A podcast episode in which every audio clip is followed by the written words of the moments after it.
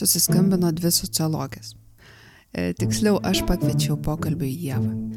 Norėjau pasikalbėti su ją apie kartais apimantį negativumą viešai kalbant ir teigiant ekspertinės žinias, ar dirbanties viena opė visuomenės problema.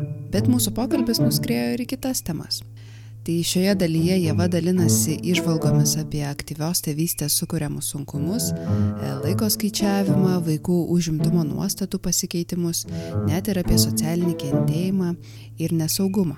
Galite girdėti daug neužbaigtų pokalbio gyjų, kurias tikiuosi galės įdomiai pratesti jūsų pačių mintis. Na, tai kviečiu pasiklausyti pirmosios pokalbio dalies ir nepamiršti, jog neužilgo bus ir antroji. O kaip dabar tave jau pristatinėt, kaip, nes jau dabar tavęs nebereikia pristatyti kaip PhD student, jau labiau kaip PhD candidate, žinai, jau nes yra tas, nes tu jau kaip ir viską beveik pasidarius, tai jau tau čia tik tai paskutiniai žingsneliai. Nu, bet žinai, nu, jo, dar, bet gal dar vis tik e, neperžengiau iš tų, žinai, formalių laiptelių, tai gal paprastai kažkaip. Sociologija, tyrėja, nežinau. Man apskritai, žinok, tie pristatymai, nu, nu, aš susiduriu su dilema, kaip čia ir ką pasakyti žmonėm ir kas jiems galėtų būti svarbu kalbant. Uh, nu, tarkim, pristatant mane. Nu, nežinai, žinai, vat, sociologijos doktorantė tai yra tik tai, pavadinkim, maža dalis to, ką, ką darau. ir gaunasi taip, kad nu, į akcentas eina. Nu. Ir net turbūt eina ne į sociologijos, bet į kad doktorantė. Jo, ir man, ir man šiaip doktoranto pavadinimas nepatinka. Nežinau kodėl, ypač, nu, gal šiais laikais dėl to, kad yra labai daug neigiamos informacijos apie doktorantūrą, ta tokia viešoja erdvė, žinai, jinai tokia devalvuota yra, tai matyt, truputį irgi kartais nu, norisi tarsi atsiriboti, nuo to vaidmens, nes universitete tu irgi esi nesvarbus tarsi. Nu, jo, toks. iš tikrųjų, pradžioj, kai buvo tik supažindinimas, e, apskritai, kas ta doktorantūra, jau kai įstojai per tos e, mokymus, ar kaip čia pasakyti, tai irgi buvo tas iškeltas klausimas, kad tai tu studentas, ar toks jau kaip ir, kaip jau įžengęs į darbo kažkokią rinką, ar vis tiek lieki dar studentas. Toksai nesi lyg ir, lyg ir studentas, bet lyg ir nebe studentas, bet dar ir nesi užtikrintas dėl savo padėties kažkur tiek katedrai, tiek ar darbo rinkoje kažkur. Todėl, kad, matai, čia labai įdomus dalykas susiklosti su algomis pasirodo, kad aš tikais ne, nežinau chronologiškai ir kokie metai buvo, bet mūsų rektorius Augutis papasako, kaip, kad e, buvo laikotarpis, kai doktoranto stipendija buvo prilyginama darbo užmokesčių ir nuo jos mokami e, mokesčiai sodrai ir e, nu, kaupėsi pensijai pinigai. Bet tada ar buvo tokia idėja siūloma kažkas tokio, bet paskui gavosi taip, kad doktorantų kažką, nu, kas atstovauja doktorantus, teigia, kad nori, kad didesnė ta, ta stipendija būtų mažiau į mokesčius nueitų pinigų ir jinai tapo stipendija. Ir iš karto statusas žmogaus, kuris studijuoja doktorantūrą, tapo ne kaip darbuotojo, o kaip studento iš principo. Ir va čia nais gaunasi didžiulė problema ir su motinystės atostogomis, pavyzdžiui, na jeigu... Ir su to darbo kaip kaupimo. Tai su patirtimi jo, jo daug, daug visko, žinai. Tai, gaunasi, kad e, tu iš realiai esi studentas. Nu, šiaip pagal, pagal viską, nors, e, nors e, kaip ir individualiai atlieki labai daug darbo. Gal verčiau, žinai, pasilikti prie darbo užmokesčio idėjos doktorantam negu prie stipendijos idėjos doktorantam, nes, nu, jinai truputėlį jį pa, pakelia. Nu, savivertę pakelia truputėlį. Aišku, jeigu ten tie pinigai labai maži, tai Tai reikia dasidurti, bet vis tiek tai jau yra darbo užmokestis, o ne stipendija. Ir jisai pririštas prie įvairiausių socialinių paslaugų. Nu, tarkim, aš dar galvoju, kaip būda, būnant studentų, kokius tu pliusus kažkokius gauni. Nu, taip, galbūt didesnė tada stipendija negu darbo užmokestis, bet aš galvoju iš tų, galvoju iš tų visų ten LSP paslaugų ar kažko, tai aš tik tai nebent, kad pigesnis transportas naudojasi, o kad daugiau kažko tai... Nu, jo, šiaip mažai, nebent, žinai, gal kažkokie muziejai, bet va, pavyzdžiui, žinai, kai keliavau, aš, tai aš jau esu old student supranti, ir va tas irgi tave dar netgi priverčia jaustis blogai, nes, va sako, tau nepriklauso e, tam tikros e, nuolaidos, todėl kad tu esi, turi per daug metų. E, nes, nu, studentam yra teikiamas nuolaidos, jeigu jie yra iki ten 25 ar 29 metų. Mhm. O, o, ir, ir, tu, ir aš sakau, tai, o, o žinai, student, bet žinai, too old. mhm. Aš galvojau, kur mums taip yra tekę pasišnekėti, tai paskutinį kartą turbūt toj tinklalaidai, kad neliktų tos įtampos, kur mes dėsė dalyvavom. Mes įsišnekėm, kad mūsų toks kelias ganėtinai panašus, ta prasme, sociologijoje. Kad mes e, ir bakalauro baigėm abi dvi, ir magistrą, ir dabar doktorantūroje esam. Aišku, ne kartus, skirtingų laikotarpių. Jo, tuo metu, matai, kai stojome, tai buvo taip, kad stoji socialinių mokslų fakultetą, nu, tokį, nu, kaip ir skėtinis. Ir tik tais po dviejų metų reikėjo rinkti sociologiją, psichologiją arba socialinį darbą. Nu, ta specializacija tik tais po dviejų metų pasirenkė. Tai aš ir pasirinkau sociologiją, nes kažkaip per tuos du metus įsitikinau turbūt, kad, kad man jinai artimiausia yra pagal tai. Labai kažkaip Viliaus Leonavičius paskaita padarė įspūdį ir tos bendrosios įvadinės paskaitos į sociologiją. Ir, Ir nors iš tikrųjų tai Turiu pasakyti, kad to žinojimo, ką su jie daryti, kam jinai reikalinga, ar kas tai per, per profesiją galėtų būti, tai trūko labai. Ir, ir na, toks tai pusakliu įstoji, dėl to kažkaip tai randi atsakymus į, gal, gal, į klausimus, kurie rūpi. Bet vis tiek tas toks, jo, kad jau po dviejų metų Nors aišku, taip, ne, turbūt nežinai vis dar, kas ta sociologija iki galo, bet turbūt jau tokį aiškesnį supratimą turi, negu dabar tiesiog po mokyklos stoja, kai reikia. Jo, jo,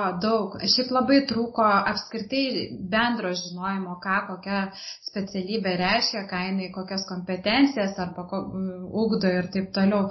Bet tuo metu, man atrodo, dauguma taip stojo, truputį chaotiškai, truputį pagal madą, kas madinga. Mhm. Aišku, aš nuėjau į nišinę tokią specialybę, nes nu, sociologija visą laiką buvo nišinė ir jinai iki šiol Lietuvoje tokia yra. Neaišku, ar jinai išpopuliarės ar ne, bet, na, matyt, pakanka šiaip darbo rinkoje, pakanka to sociologų.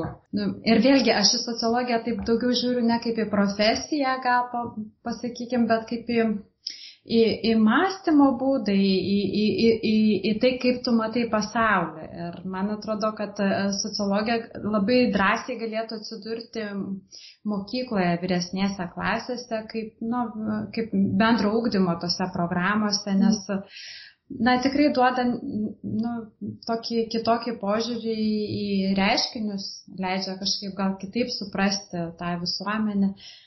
Tai va šalia galėtų stovėti psichologija, sociologija, nes man atrodo, kad moksleiviam tikrai labai trūksta tokių. Labai trūksta, labai trūksta. Man tai atrodo, kad va, pavyzdžiui, jeigu sociologiją integruoti, tarkim, į istoriją, į tą pačią geografiją, tai labai puikiai jinai tenais, na, sutilptų. Tiesiog aiškinti ne tik tais istoriniais faktais ir etapais, bet ir per, per tai, na, ko, kokios vyravo, pavyzdžiui, normos arba kaip susiformavo tam tikros kultūrinės praktikos. Ir na, manau, manau, kad, tarkim, studijuojant sociologiją privalu studijuoti ir istoriją paraleliai. Ir, mm. ir vat, dabar aš sakau tokį istoriką, uh, Olandų istoriką Rutger Bregman. Man jisai labai patinka, nes jisai yra ne tik istorikas, bet ir uh, E, sociologas ir ekonomistas viename galva, tai va, toksai labai tarp, tarpdiscipliniškumas jaučiasi. Ir, ir, ir, tarkim, tie istoriniai faktai, kuriuos jisai interpretuoja ar aprašo savo knygose, visai kitaip atsiskleidžia nei, tarkim, tik tais, na, konstatavimas tam tikro mm. laikotarpio. Tai ir, nu, tai gal tie tokie, žinai, e, ta tokia nauja prieiga mokslo galėtų būti, kuri na, apjungtų kelias disciplinas savyje. Tai ir, ir daug įdomiau taip taip studijuoti, negu, tarkim, tik tais, na, kažkaip tai sausais faktais ar kažkaip, be to, be to kultūrinio backgroundo vadinamo, žinai. Ja, ir sunkiau suprasti, arba tada priėmi taip kažkaip tiesiogiai ir galvoju, nu tai kaip jie čia taip galėjo elgtis, kur ja. praėmis, paėmi savo kontekstą ir galvoju, nu čia tai nesąmonė, bet paskui supranti tą kontekstą ir kad tai buvo toks uh, įvairių sričių poveikis tam ir, ir, ir tai galėjo egzistuoti. Aš dar galvoju, uh, čia nuėjom, bet vėl norėčiau grįžti prie to e, bakalauro magistro. Ar tu turėjai kažkokią savo temą, kurią taip vystėjai nuosekliai, ar tu taip šiek tiek šokinėjai nuo temų? Jo, aš bakalauro e, studijų metu daugiau koncentravausi į lyčių studijas ir jeigu konkrečiai tai į vyriškumo, tėvystės studijas. E, ir apie tai rašiau savo bakalauro darbą. E, magistrą tęsiau, galima sakyti, šitą liniją, toliau rašiau apie e, vyriškumo, vyriškumą ar ne, ir na, apie tokius, tokį naują konstruktą, ta, tuo metu gal naujai skambantį Lietuvoje socialinį kentėjimą, aš tyrinėjau, na, kaip, kaip na, vyrai, kurie dirba fizinį sunkų darbą, na, patiria tas kasdienius iššūkius, tiek, tiek susijusius su jų statusu, tiek su sveikata, tiek su pažiūromis ar ne ir požiūriui, ar, ar, ar, ar tarkime pagarba jų darbui, arba ne, jų juntama nepagarba. O va dabar e, truputėlį nušokau į tuos ekonominius dalykus, bet jie siejasi iš tiesų, čia na, e, ta lyčių problematika, jinai vis tiek kažkokiu būdu pasirodo, bet aišku, aš jos jau taip stipriai nebeakcentuoju, nes man atrodo, kad tos ribos tikrai stipriai yra apsitrynusios ir, ir, ir tos, na, na, tiek vyrai, tiek moteris labai, labai supanašėjai yra, nes, na, na, aišku, ta fizinė jėga, jinai dar vis dar naudojama kai kuriuose specialybėse, arba mes dar turime ten e, e, darbų feminizacijos ar maskulinizacijos tas e, procesus, kalbant apie įvairias profesijas, bet, bet bendrai man atrodo, kad, na, tos galimybės tiek vyrų, tiek moterų yra stipriai prasiplėtusios ir nebe tokios problematiškos, kaip kad buvo tais laikais, kai aš pradėjau studijuoti šitus dalykus. Tai taip, temos truputėlį pasikeitė. Bet tas turbūt pasikeitė e, kaip darbai, kuriuo, kurių imasi, bet ten tarkim, kai mini, kad visą laiką tas atotrukis tarp darbo užmokesčio ar kitokių dalykų, tai jis vis dar yra lyties ar ne aspektų. Ar... Mm, žinai, ką aš pastebiu iš savo paskutinio tyrimo, tai yra labai stipriai ta, ta, ta tendencija, kad, na, iš tiesų, tarkim, kalbant apie šeimas, ar ne, kaip, kaip vyrai ir moteris skirstosi darbus šeimose, tai kad, na, tolygėja šitas dalykas, kad vyrai vis labiau įsitraukia į tos intensyvios arba aktyvios tėvystės procesus, moteris atitinkamai labiau vis įsitraukia į darbo rinką. Ir čia nais, na, E, kyla toksai, tokia didelė dilema, kad tiek vieni, tiek kiti pradeda labai iš savęs daug reikalauti tiek asmeniniam gyvenime, tiek mm. profesiniam. Ir e, man atrodo, kad ta, ta, ta įtampa tada užgula abiejų pečius. Ir va čia nais atvaira tas toksai, žinai, e, egalitariškumo paradoksas savotiškas. Kadangi, na, na tarsi atrodo, kad, na, turėtų sumažėti ten įtampa, tai tu gali eiti mhm. laisviau dirbti. Bet ne, nes mes kaip žmonės, matyti, esam ganėtinai dideli perfekcionistai. Ir tada atsiranda tas toks noras būti labai gera, ger, gerais tėvais, tobulais partneriais, bet atitinkamai ir labai gerais darbuotojais. Ir šiandien žmonės tiek iš savęs to reikalauja, tiek, tiek ir jaučiasi, kad iš jų to reikalaujama, žinai. Ir, ir, ir, na, man atrodo, kad apskritai trūksta labai atsipalaidavimo tiek vyrams, tiek moteriams ir abiejose srityse, ne, nes, tarkim, kiek aš skaičiau tų istorijų e, biografinių e, su, na, na, tos tyrimus dariau su, su šeim, šeimomis, ne šeimomis, bet respondentais, kuriems yra 34-48 metai. E, tai pasakyčiau gal taip, kad kuo vyresnis respondentas, tuo jisai paprasčiau žiūri į tėvystę. Kuo jaunesnis, tuo įtampos yra daugiau ir tuo tas pergyvenimas dėl vaiko užimtumo, išsilavinimo yra stipresnis. Tai vadinasi, kad na, mus veikia veikia tam, tikros, tam tikri pokyčiai, kurie susiję ir su, su tėvystės praktikomis. Kurių, ir jeigu, patarkim, lygintumėm, nu, va, mūsų kartos ar ne, tėvus ir mūsų tėvus, ar ne, kokie jie buvo, tai Tai, tai, tai mes turėjom kaip vaikai daug daugiau laisvių, bet ir daug daugiau atsakomybių. Nes, tarkim, na, na, į, į būti vaikai daug labiau įsitraukdavo negu kad dabar. E, savarankiškesni būdavo, naidavo į mokyklą, grįždavo į burelius, važinėdavo. Dabar tėvai tikrai turi nemažai, na, tos kontrolės savo vaikams. Nežinau, gal aišku ir pasikeitusios gyvenimo sąlygos yra, bet, bet e, daug kur vežioja, labai suplanuoja vaikų laiką na, e, ir, ir tas noras atrodo per šiandieną sukontroliuoti rydieną. Na, tarsi, kad jeigu aš įdėsiu labai daug tinkamų pastangų šiandien, tai atsipirks rytoj, bet kartais, na, tiesiog gaunamas kitoks rezultatas, kad, na, vaikai pervargsta ir perdega ir ir nieko nebenori paskui. Tai aš vat, iš tos pusės matau, kad nu, ta, na, ta tendencija būdingesnė galbūt truputėlį moteriams, bet jinai ir perina ir, ir, ir, ir vyrams. Tas toksai um, na, na, rūpestis dėl vaikų, bet ta, ta, ta tokia gal šiek tiek perdėta prasme, kad per daug, per daug norime sukontroliuoti tai, kas galbūt nebūtinai nuo mūsų priklauso. Ir turbūt gal to laiko net ir tiek neužtenka, nes jeigu tu, kaip pasakyti, pasiskiri jau karjerai, tada ir, ir vyras turi tam tikrą dalį laiko paskirti ir, jie, ir tada vaikų laiką reikėtų kaip ir pasidalinti, bet tu nori kaip ir visą apimti, visur žinoti, kuris ką pamatė, ką jis nuveikė, tai turbūt tas ir... Arba tu norėjai dar kažką pridurti? Uh, jo, ne, tai laiko aspektas yra labai labai svarbus ir, ta, ir na, tuose tyrimuose, kuriuose, kuriuose aš dabar darau, tai yra vos nesminis resursas. Na, šalia, aišku, kitų materialinių arba ten paramos tinklų, bet laikas yra labai aktualus.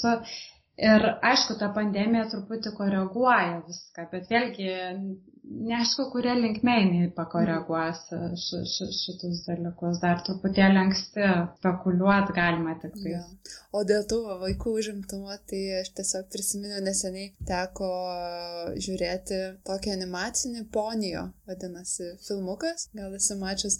Ir ten buvo toks berniukas, pagrindinis, sakyčiau, herojus. Ir jisai su mama gyveno, nu, nes tėtis, dabar trumpai papasakoju labai siužetą, nes tėtis jūrininkas ir daugiausia tai jis daugiausiai laiko praleisdavo su mama, bet mama irgi dirbdavo, prižiūrėdavo senus žmonės. Ir esmė tave, kad tam filmukė man buvo labai keista, nes tas vaikas atrodydavo net kartais visai neprižiūrimas. Ten jisai laiką leidžia vienas, atvažiuoja su mama į darbą, mama eina dirbti, o jisai toj teritorijoje kažką žaidžia, kažką veikia. Tai vėlgi galbūt čia dabar dabartinis mano irgi toks įsivaizdavimas, kaip turėtų būti suplanuota vaiko dienotvarkė. Tai irgi jo atrodė labai keista, kad čia tokia nepriežiūra, nesirūpinimas kažkoks, vat, atrodo, bet iš tikrųjų turbūt nėra taip. Na, nu, aš, aš tai sakyčiau, žinai, e, turbūt yra, na vėlgi, aš, aš pavyzdžiui, augau labai laisva pati tikrai eidavau savarankiškai į mokyklą nuo pirmos klasės, pasišildydavau maistą, grįždavau namo ir, ir aišku, gal turėdavau tam tikrų baimių būti viena, bet nu, buvau tikrai labai laisva ten rinktis burelius arba jų nesirinkti, jų atsisakyti. E, būti laukia tiek, kiek noriu.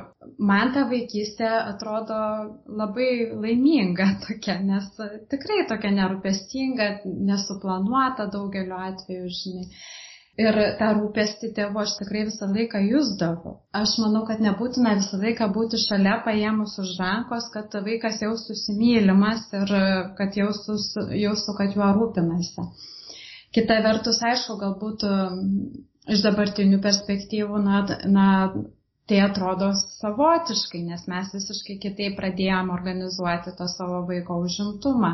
Ir, ir, ir netgi atsiranda tų tokių nuostatų, kad, tarkim, aišku, čia jos neįsitvirtino Lietuvoje, bet vėlgi buvo pasiūlymai, kad iki 12 metų vaikas neturėtų būti vienas namuose, ar ne.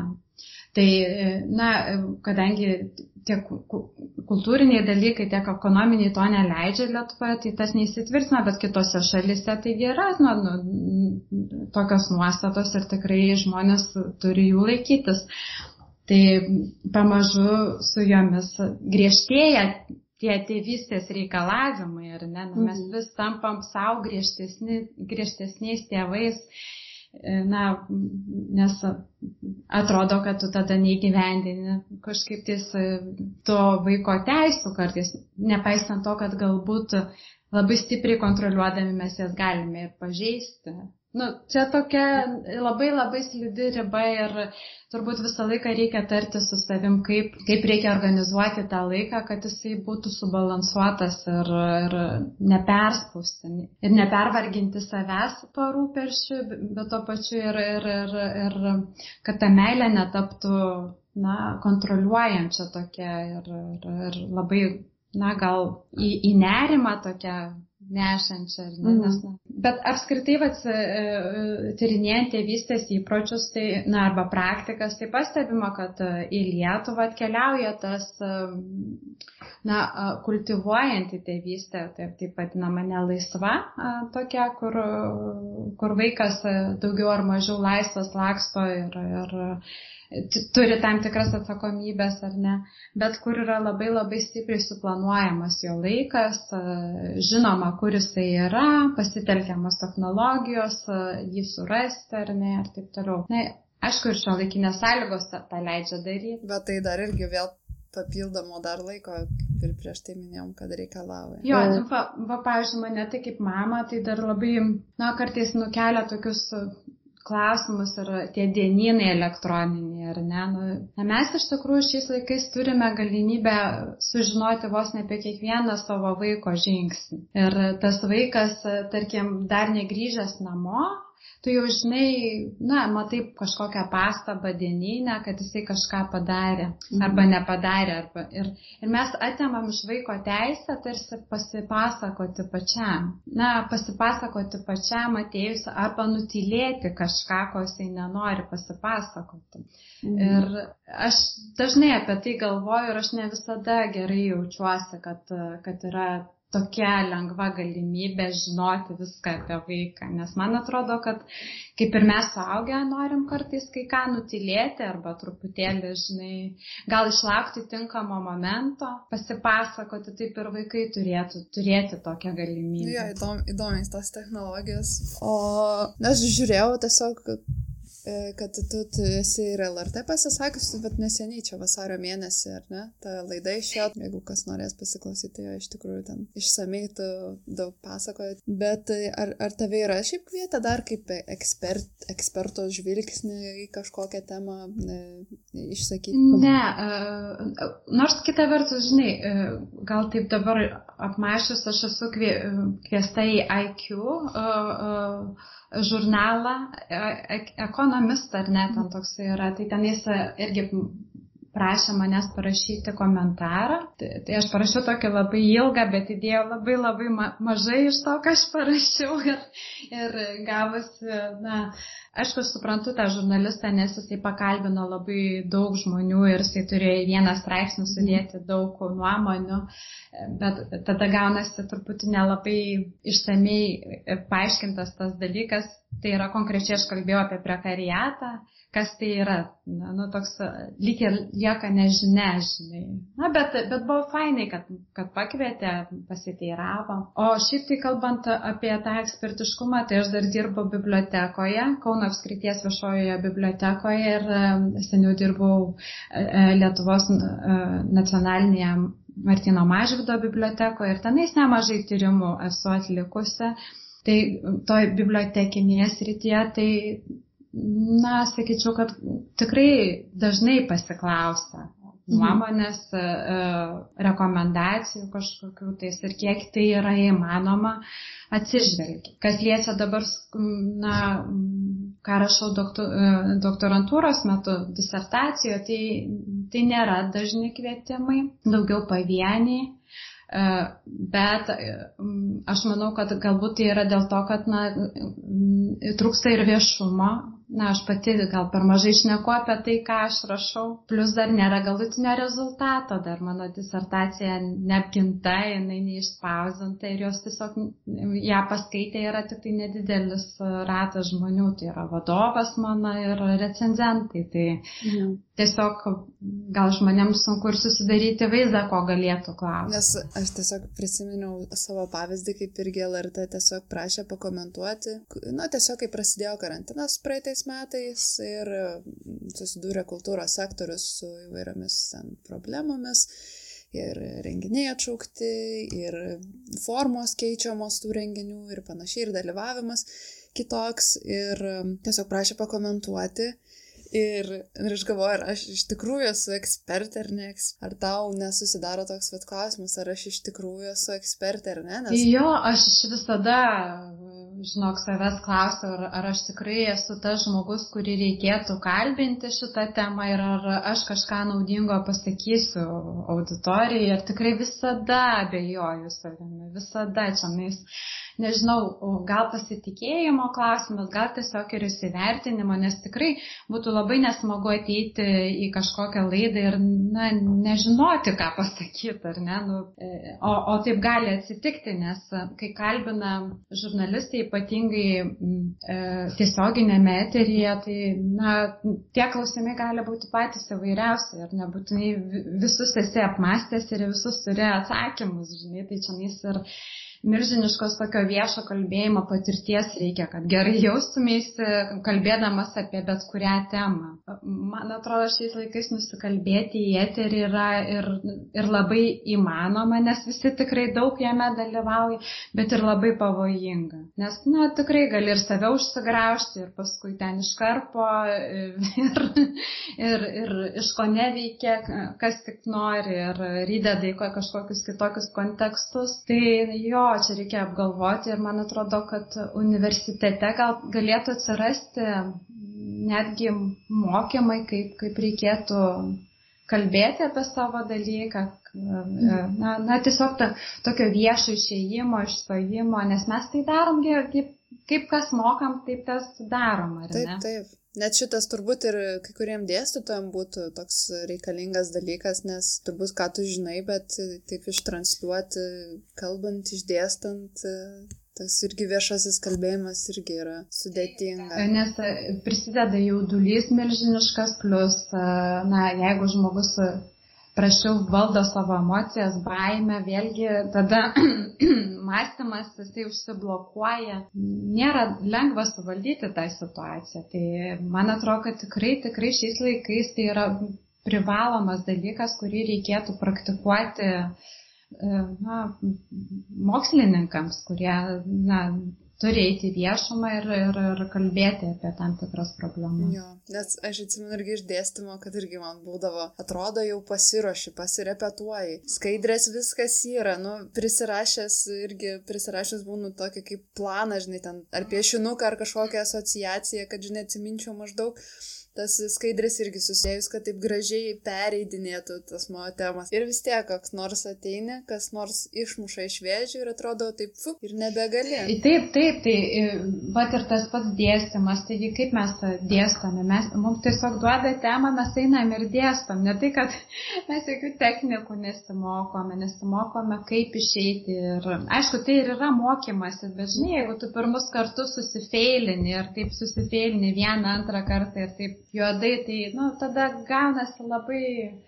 toks didelis stabdis turbūt e, judėti toliau čia, nes, na, nebent nu, nepažeidė to savo pasitikėjimo iš esmės. Žinai. O tau tekė, ne, dėstyti, tu minėjai, kad magistrams ar ne? Jo, esu vedusi porą paskaitų, bet šiaip dėstyti kaip dalyko nesu dėšusi, esu vedusi mokymus bibliotekininkams, na, dariusi kelias viešas paskaitas irgi e, bibliotekų lankytojams, e, dėšiusi magistrams, e, na, porą paskaitų. Tai va, ta dėstymo patirtis nėra tikrai didelė. Dar ir aš buvau knygos pristatymę bibliotekoje, tai irgi toksai kaip ir jeigu nueinant nuo šitos temos, tu dar ir e, su bibliotekom susijusi veikla, tu rašai, kaip čia pasakyti, derini savo darbą ir sritį, kurioje studijuoji, tą rašai sociologijos skrinelėje.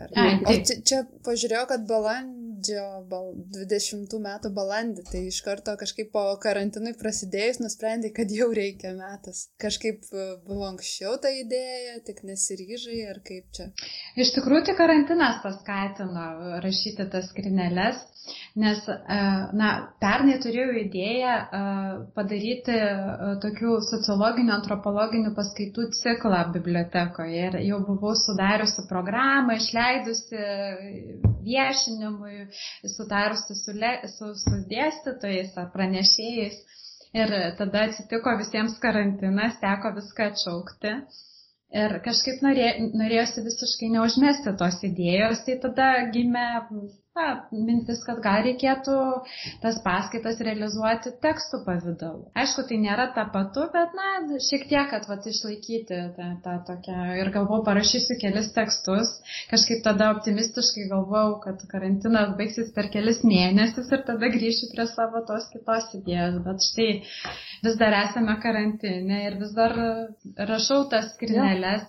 Ja. Aš mačiau, kad jau virš dešimt ar kiek jų iš viso taip suskaičiavus, tai tikrai ne nemažai. Bet tu ir pačiam savo ant, ant Facebook'o sienos irgi, ar ne, mėgsti, mėgsti pasidalinti savo tokiais apmąstymais. Tai tau lengva ar, ar patinka išreikšti, bet būtent per rašymą kažkaip? Jo, aš manau, kad e, rašymas yra mano stipresnė nu, nu, ta savybė negu kalbėjimas.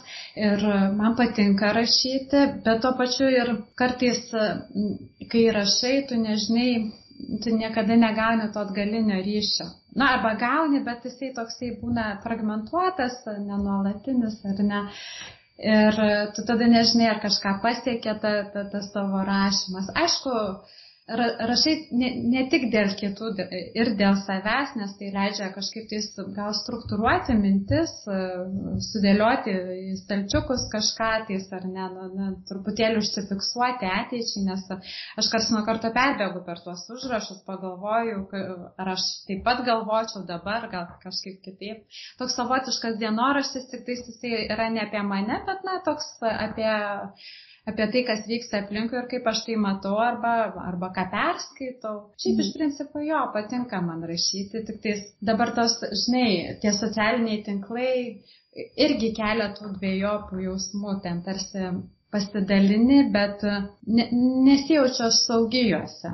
Nu, tiesiog, nežinau, gal, gal ir nereikia tikėtis to saugumo visame kame. Dabartiniu metu ypatingai jaučiuosi nesaugi, nes, nu, labai tu nežinai, kas pas tave ateis, su kokiais ketinimais, nu, nu nežinau, taip kažkaip kaip suinterpretuos tavo mintį, nes mhm. į kitų galvą sunku įlysti, ar ne, gal nesupras iš jos padarys kažkokį tais, nežinau, skandalą, na, aišku, čia nežinai, E, nesu, čia būnant labai svarbiais asmenimis turbūt tai, tai galioja, kad prie kiekvieno žodžio tada kabinasi. Bet niekada nežinai, gal irgi kažkada tapsi, žinai, svarbiu žmogumi ir tada, kai dabar populiaruoti, prisimins, ką, kas, kada, ką tu rašėjai. E, jo, čia gali ir šitie dalykai. Aišku, aš nerašau kažkokių labai tokių, žinai, kontroversijų ar ten kažkokių labai dalykų, na, kurie turėtų supykdyti, ką nors, bet, na, visada yra, yra e, rašant visada yra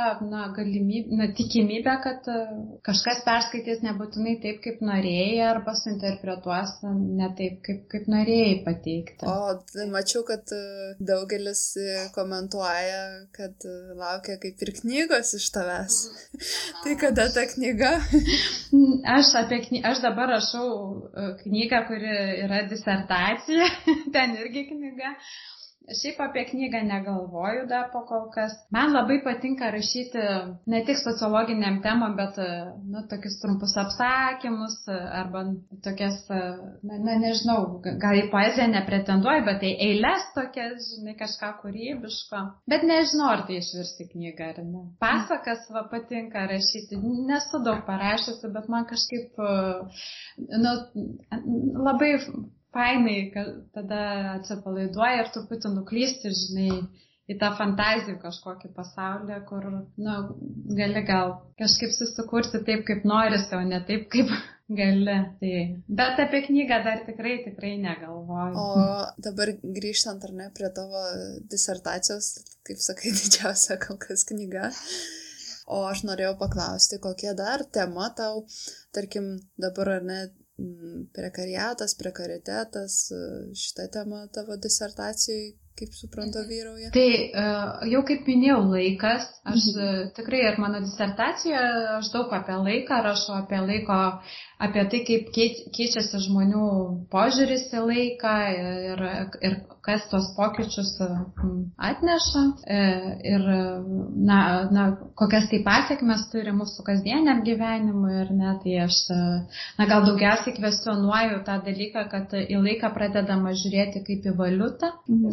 Visiškai kur, e, arba į pinigus ir kad laikas turi būti labai tiksliai ir racionaliai paskirst tas. Ir na, tai atima iš žmonių e, tokį dalyką kaip e, paprastas leidimas laiko, ar ne, kad aš galiu paprastai leisti laiką, mėgautis tuo ir nesijausti kaltu, kad neva nekuriu kažkokios tai vertės tuo metu ar, ar, ar, ar, ar savo, ar kitiems, ar ne. Tai, tai čia ne, ne tik aš tą, na, kaip kritikuoju, bet ir daug mokslininkų, kurie tyrinėja laiką, pastebiu, kad kad yra šita tendencija, kad žmonės tiesiog na, labai sunkiai atsipalaiduoja, jeigu jiems e, nutinka taip, kad jie negali prasmingai, prasmingai tai čia ta prasme, kad e, mhm. jų manimų, naudingai, gal, gal tikslesnis žodis, naudingai leisti laiko, vertingai leisti laiko.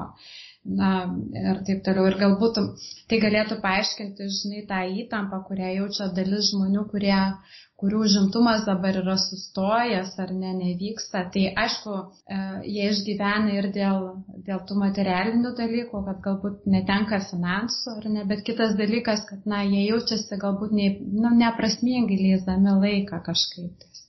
Kol neatranda, aišku, kitų būdų tą daryti. O kitas dalykas, kad um, vėlgi yra kritikuojama ta laiko samprata, tokia dabartinė utilitaristinė labai, nes ma, pradedama manyti, kad tik tai tas laikas, už kurį, na, gaunamas kažkoks tai konkretus atlygis yra vertingas. Ir, atit, ir tai labai nustumia kitas žmogiškas veiklas į, į na, į šalutinius tokius dalykus, na, na kaip rūpestis kitu, tenais vaikų auginimas tampa tokios ko ne nepageidaujamos veiklos arba trukdančios ka, kažkam tais. Ir, ir šitas požiūris šiaip gan stipriai dominuoja, na, interpretuojant žmonių veiklą, na, tas toksai eko, ekonominis redukcionizmas, kaip čia pavadinti, kad iš ekonominės perspektyvos mes vertiname tai, koks laikas yra prasmingas, koksai ne, ar ne.